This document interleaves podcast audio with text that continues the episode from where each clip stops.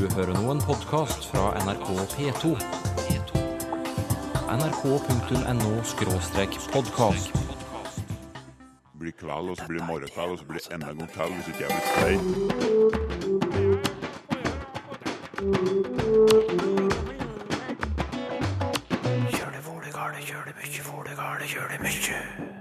Japansk kan verbet signalisere status hos den du snakker med. Det fins altså eh, spesielle verb som er eh, respektfulle, som da løfter samtalepartneren opp.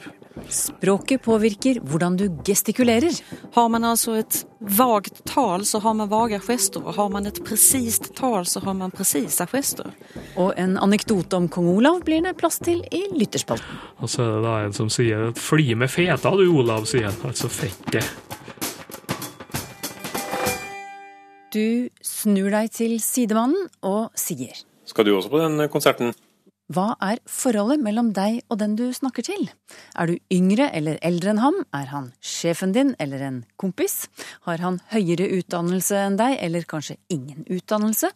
Uansett hvordan disse tingene henger sammen, så ville du spurt på samme måte. Skal du òg på den konserten? Slik er det ikke i japansk. Og dette er et av mange forhold vi kan lese om i den første japanske grammatikken som er gitt ut på norsk. Et omfattende verk på over 1000 sider, skrevet av språkforsker Harry Solvang, som har en doktorgrad i japansk, og som har bodd i Japan i mange år. Det finnes ingen nøytral talemåte i japansk, sier du, Harry Solvang. Hva mener du med det? Ja, jo, man sier, man sier jo ofte at språk og kultur henger sammen. da, og Et område som tydeliggjør dette i japansk, det er jo systemet av respektfulle og ydmyke uttrykk kombinert med ulike verktøy for å signalisere høflighet. da. Det er et veldig komplekst system. Det er skrevet tusenvis av sider om det, helt sikkert. Og Vi må jo prøve å forenkle da, for å få frem noen poenger her. Ja. Men For å gå rett til spørsmålet, da. Ja, Altså, Det fins ikke noe nøytralt talenivå i japansk. Altså et nivå som kan benyttes uavhengig av talesituasjon og, og relasjon mellom deltakerne i en samtale. Eh, Sånn som den setningen som du eh, da sa på, på norsk, den, eh, den vil være ulik avhengig av samtalepartner. ja. Men la oss, la oss nå ta akkurat det. To personer møtes, Ja. og den ene skal spørre den andre om, om vedkommende skal på en bestemt konsert. Ja. Hva er det som kan bestemme eller avgjøre statusforholdet mellom disse to, og som igjen vil påvirke språket? Ja, Helt typiske faktorer da, som, som bestemmer eh, sånne eh, relasjoner. Det, er jo, det er jo alder. Aldersforskjell. Det er, eh, det er utdanningsnivå. Det er yrke. Og så er det da posisjon i et firma. da. Det er klare faktorer. Så da, da, da vil det altså merkes i språkbruken. Og når de snakker til hverandre, hvordan bruker de språket for å signalisere denne statusforskjellen, da eventuelt, eller hvordan statusen er mellom disse to? Ja, altså man velger uttrykksmidler alt etter som hvor formell eller uformell man oppfatter en situasjon. Altså. Og man har da et helt system av strategier for å signalisere høflighet eller respekt overfor en samtalepartner eller en person som omtales. da. Og det er spesielt godt utviklet i verbene. da. Jaha, kan, hvilken måte? og, det er ganske vesentlig, da. Jo, fordi at eh, der fins altså eh, spesielle verb som er eh, respektfulle, som da løfter samtalepartneren opp. Samtidig så er det da andre verb som er eh, ydmyke, som da, som da reduserer taler, slik at den blir liggende under. Altså, hvilket verb du velger å bruke, det uttrykker hvordan du oppfatter Ja. din sosiale status i forhold til den du snakker med. Ja, det er helt riktig. Ja. Så hvis vi skulle da ta utgangspunkt i den konserten som du, Ja. som du snakket om, så la oss si det var en student som ville spørre læreren sin om han skulle, skal på konserten, så ville han da ha brukt et spesielt verb for å da vise at han eh, uttrykker respekt overfor denne læreren. Men hvis da denne læreren eh, heller da spurte studenten skal du på denne konserten, så ville han spørre med et helt annet verb. Ja. Man velger sine verb med, med omhu, med andre ord. Ja, det kan virke som man velger de med omhu. Og det er klart at dette er jo ikke, Man sitter jo ikke og velger be veldig bevisst, for dette er noe som sitter i ryggmargen etter etter hvert. Det ligger i japanernes DNA, kan man si, dette her med å, å, å skifte mellom ulike nivåer Ja, hvordan, hvordan har det havnet i DNA-et? Ja, det kan du si. Det er et godt, spørsmål. Man kan jo spørre seg hvor dette systemet kommer fra. Ja. Og det henger jo nok sammen med konfusianisme, da, som, som har hatt stor innflytelse i Japan. Altså konfusianisme som har tradisjonelt la vekt på plikt og respekt for overordnede og eldre, respekt for autoriteter, uttrykk takknemlighet osv. Og så kommer da hierarkisk relasjon inn i bildet også. Sant? Altså Mennesker er plassert i forhold til, til hverandre på en slags sosial rangstigi, da, Etter ulike kriterier, som, som jeg nevnte i sted, sånne faktorer som alder, utdanning, yrke, posisjon i et firma osv. Og dette er internalisert. altså denne, den, Denne tenkemåten den er flettet inn i språket og lar seg ikke løsrive fra språket. Dette høres for en nordmann veldig komplisert ut.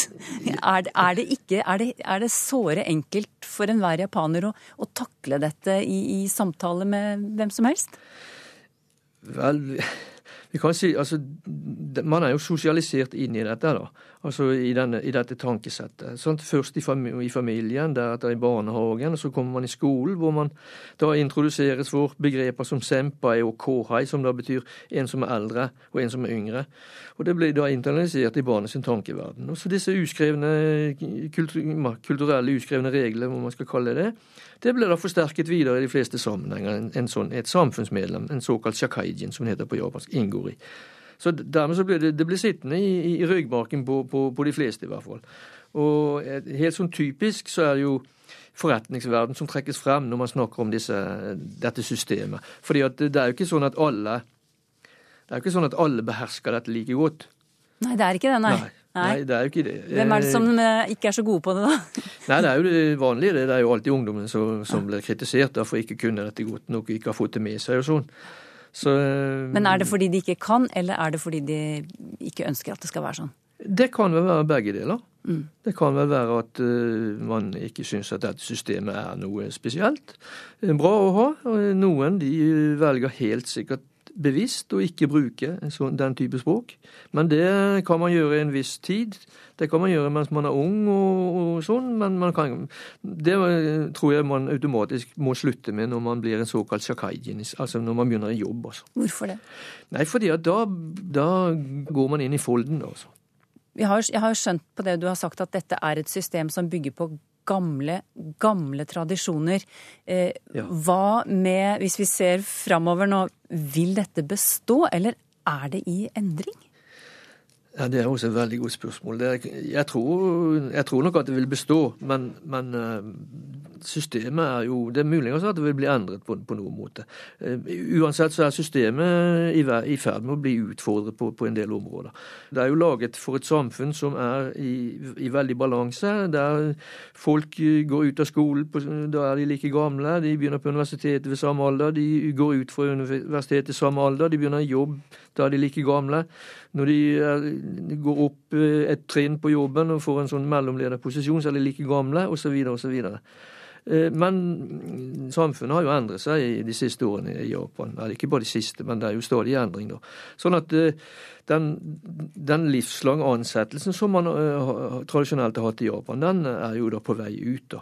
Og Det betyr at uh, nå eh, er det jo folk som må skifte jobb uh, kanskje i voksen av 40-50-årene. kanskje, Man blir restrukturert.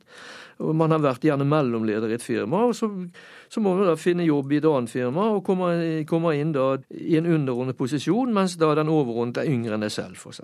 Da, da Ja. utfordres jo systemet, for da får man en hva skal man, Hvem er det da som skal være respektfull og, sånn, og, og høflig? Eh, og det, sånn så vidt jeg oppfatter det, så er det alder synes å være en faktor som vinner over de andre faktorene også. Så alder trumfer det meste, Ja, jeg tror det. sa Harry Solvang, japansk forsker ved Universitetet i Bergen. Han har altså skrevet den første japanske grammatikken på norsk.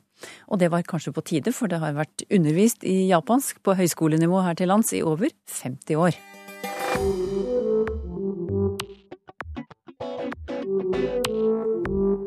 Hør på disse to setningene. Du, jeg skal bare sette fra meg glasset på bordet. Je vais mettre le verre sur la table. Prøv så å se for deg hvordan de to personene gestikulerer mens de sier setningene sine. Jeg skal bare sette glasset på bordet. Je vais mettre le verre sur la table. Har franskmannen og nordmannen de samme gestene, eller er det en forskjell? I Språkteigen forrige gang hørte du at nordboere og søreuropeere gestikulerer like mye, men hvordan vi gestikulerer er blant annet kulturavhengig. Men også språket du snakker spiller en rolle. Språkforsker Marianne Gullberg arbeider ved Lunds universitet i Sverige, og har blant annet sammenlignet hvordan svensker og franskmenn gestikulerer. Hvordan påvirker språket gestene våre, Marianne Gullberg? Ja, det viser seg at eh, gester avspegler skillnader både i sånt som ordbetydelser og även grammatik. Eh, om man tenker seg f.eks. hvordan vi på svenska og norska taler om å plassere noe, så anvender vi en masse olika verb. Vi setter og steller og legger saker og ting. Medan på et språk som franska f.eks. så har man bare ett verb, man sier mettre eller på engelska put. Um, och på svenska och norska, för att man ska välja rätt verb så måste man bekymra sig om det objekt som man ska flytta på. Och det där intresset för objektet och vilken riktning det har, det avspeglar sig i våra gester. Så man kan se att vi har precisa gester, um, precis som vi har precisa verb. Medan fransmännen inte alls gestikulerar så. De har ofta bara en slapp hand eller en pekning som er generell på noe sett, på samme sett som deres verb. Mm. Du, men for, hvis vi må se dette for oss, hva gjør en nordmann han, eh, med hendene eller hånden når han sier at han eh, satte fra seg glasset, f.eks.? Hva gjør han? Ja, om man tittar på handen så ser det ut som om man holder i et tenkt glas. Altså man, man holder handen på samme sett som om man hadde hatt et riktig glas i det mens franskmannen bare peker slapt i den retningen glasset ble plassert, eller noe sånt noe? Presis. Ja. Men det syns jeg er litt merkelig, for jeg ville jo trodd at når man i fransk bruker et generelt verb, som du sier, så ville man kompensere ved å gjøre håndbevegelsen mer forklarende eller mer eh, spesifikk, og ikke like generell som, som det som kom ut av munnen, da. Hvorfor er det ikke slik? Ja, det är intressant. Alltså, det har man ju länge trott att gesterna uttrycker det man inte sier säger i talet. Men när vi tittar på det så ser vi gång på gång att tal och gest uttrycker samma sak. Har man alltså ett vagt tal så har man vaga gester och har man ett precist tal så har man precisa gester. Um, och vi tror att anledningen till det är att tal och gest faktiskt har samma ursprung i hjärnan. Det vill säga språksystemet och uh, den del av hjärnan som også styr hur vi rör händerna når vi taler. Det er samme område. Slik at hånden og munnen sier det eller uttrykker det samme fordi det, det kommer fra samme sted i hjernen? Precis så. Ja. Men hva skjer da eh, hvis jeg lærer meg et nytt språk? Eh, jeg planlegger f.eks. å reise til Frankrike og tar noen kveldskurs i fransk og blir sånn måtelig grei i fransk. Og følger gestene med? Altså når jeg snakker fransk, gestikulerer jeg da også på fransk? Nei, tyvärr så är det så snarere at i allmänhet så eh, fortsätter du å gestikulere på norska. Vi har ofte noen slags brytning, en manuell brytning kan man säga. Og och vi tror att det beror på att man hemligt, hemligen fortsätter att tänka på norska Eh, även om man talar franska. Och det kan vi ju alla känna igen tror jag att om man talar ett, ett, annat språk, även om man är ganska bra på det, så har man på något sätt en tendens att underliggande fortsetter att tänka på sitt eget språk. Och det där syns helt enkelt i gesterna. Hvorfor, uh, hvorfor er det slik? Ja, forskningen kring flerspråkighet och inlärning visar ofta att um, när vi lär oss ett nytt språk så är det inte så att vi stänger av vårt första språk utan alla språk man kan ligger och är lite aktiva samtidigt. Um, och det innebär att, att um, ett av de där språken, ofta ens modersmål, så att säga, kan spilla över i gesterna och fortsätta att, att den här underliggande aktiviteten. Ja, så Du nevner eh, flerspråklig. La oss si at det er en tospråklig person altså som mhm. behersker to språk fullstendig. Eh, hvordan, hvilket språk gestikulerer vedkommende på, i sammenlignet med hvilket språk vedkommende snakker på? da, Av de to som like, behersker like, han behersker like godt? Det interessante er at om man tittar på deres tal så viser det seg ofte at eh, man kan finne drag av både språken när de talar båda språken så att säga. Och detsamma gäller gesterna, att, att de gester de producerar ligger ofta någonstans mitt emellan. Om man till exempel tänker sig en belgare som talar franska och flamländska så är både franskan lite färgad av flamländskan och flamländskan lite färgad av franskan. Och på samma sätt är deras gester också någon slags mellanting mellan franska og flamländska gester.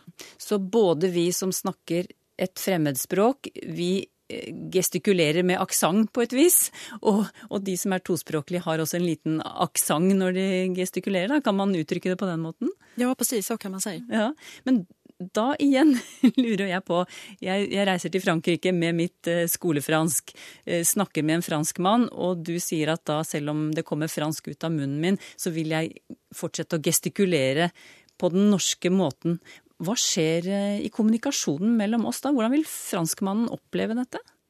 Det er en oerhört intressant fråga och den vet vi ännu mindre om än något av alla de andra områdena här. Vi håller på att forska ganska intensivt precis kring den här frågan. För vi har nog alla en känsla av att det är klart att man noterar om någon gestikulerar på ett annat sätt än vad man är van vid. Men vi har inte riktigt klart för oss om det är så att man blir mera irriterad av kanske brytning i talet än av brytning i gesten. Ehm, men vi har gjort lite olika test och det visar sig att mottagare helt klart observerar att gester ser lite annorlunda ut. Men det är ännu inte helt um, tydligt för oss vad det är de retar seg på, så att säga. Mm.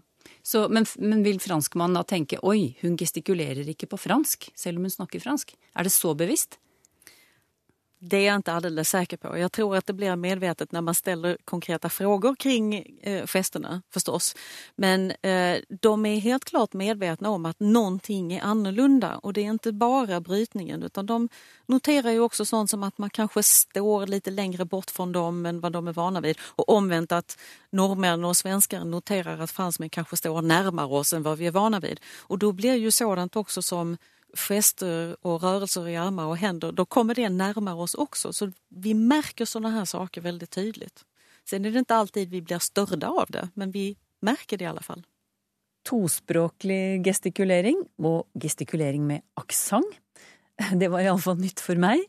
Marianne Gullberg er professor i psykolingvistikk ved Lunds universitet i Sverige. Det blir kveld, og så blir det morgenkveld, og så blir det enda en kveld hvis ikke jeg blir klein.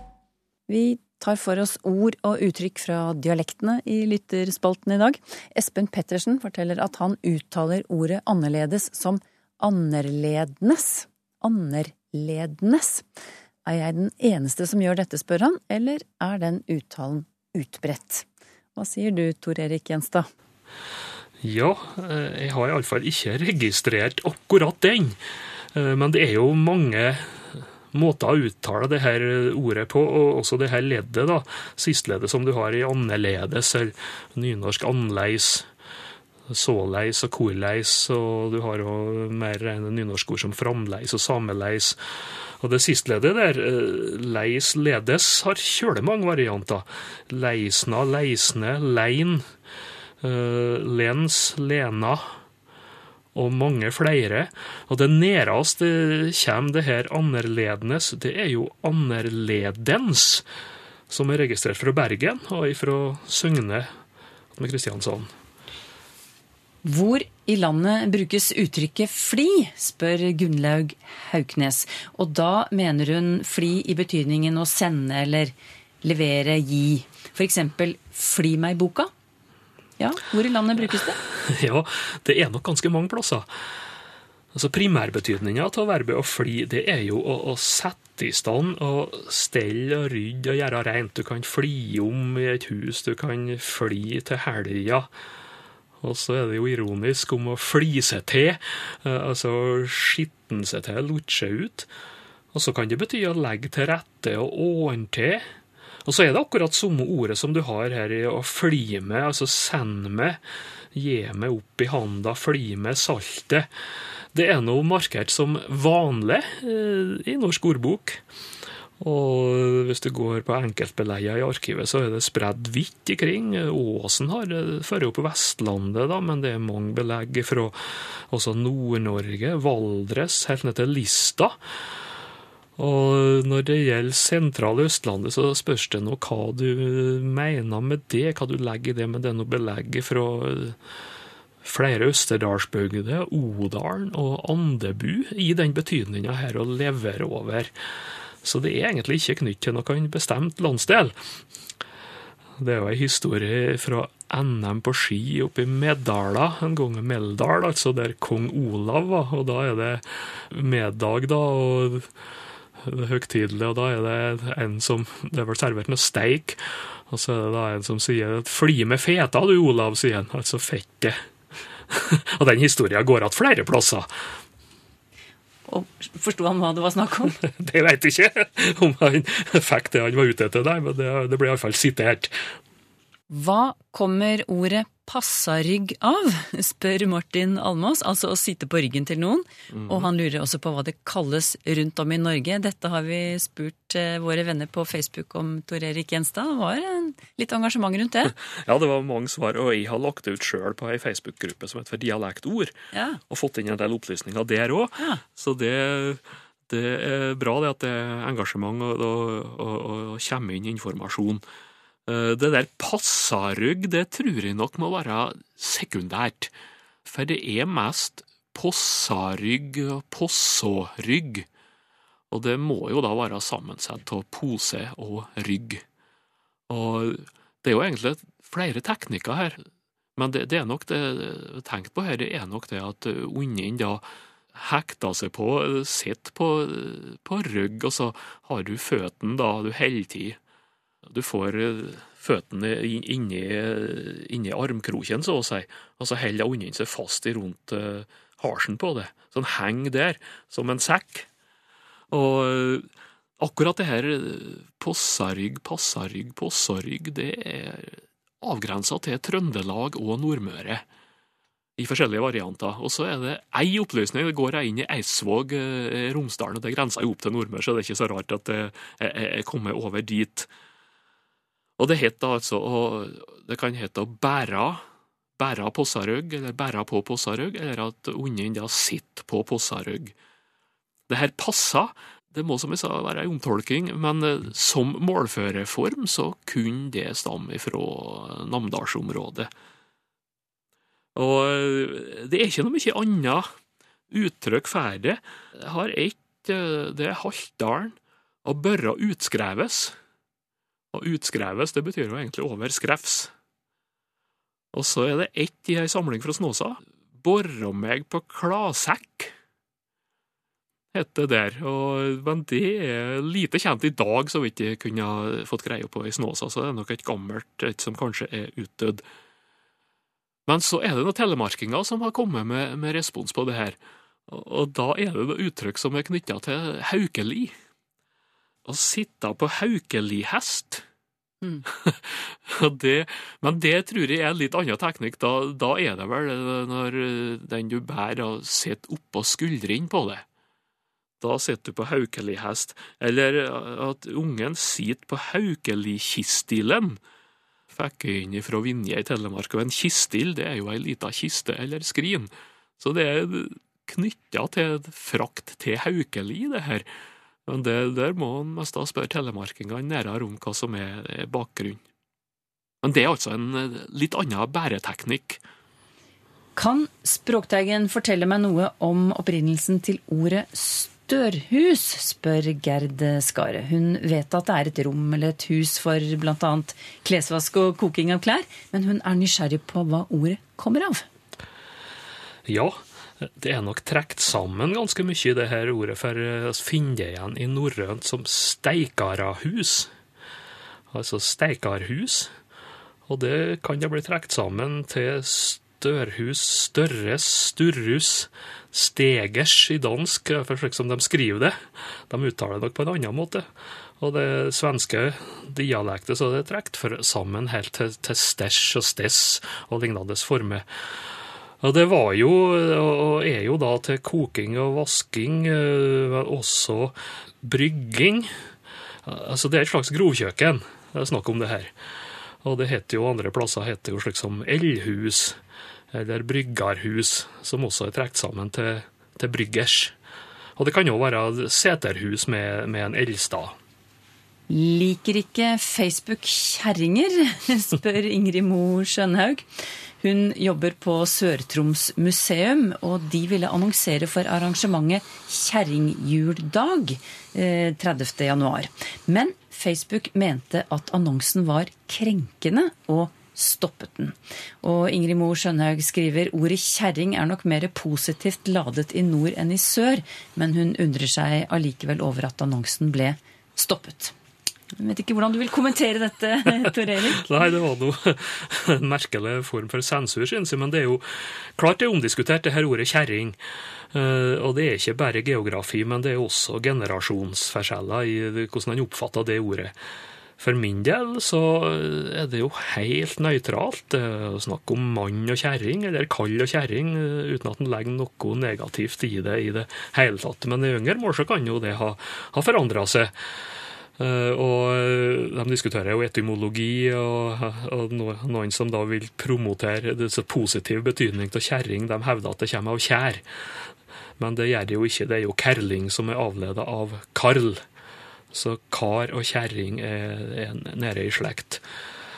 Nei, jeg syns kanskje det er litt uh, hårsårt, da, eller litt overdrevet sensur, at en ikke skal få bruke et tradisjonsord som kjerringjuldagen.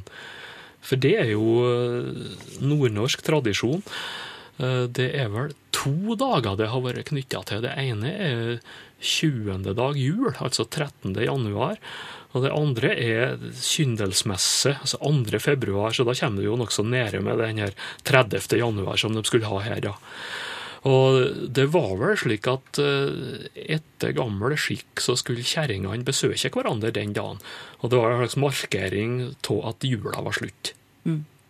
Men å bli kalt uh, kjerring uh, andre steder i landet, det, det, kan jo være Jeg har selv blitt kalt kjerring som et skjellsord ja, av noen tenåringer en gang. faktisk. Ja, ja, det...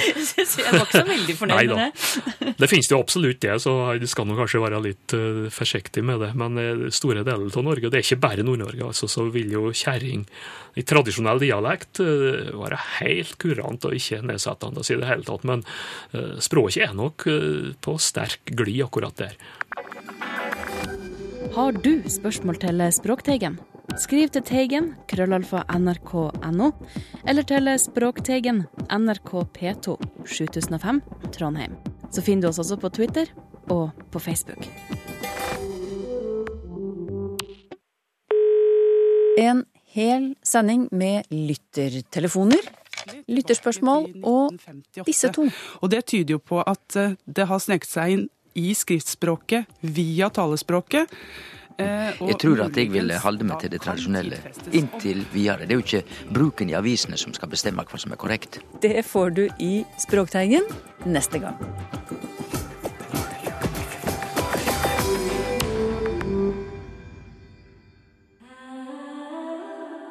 nrk.no podkast.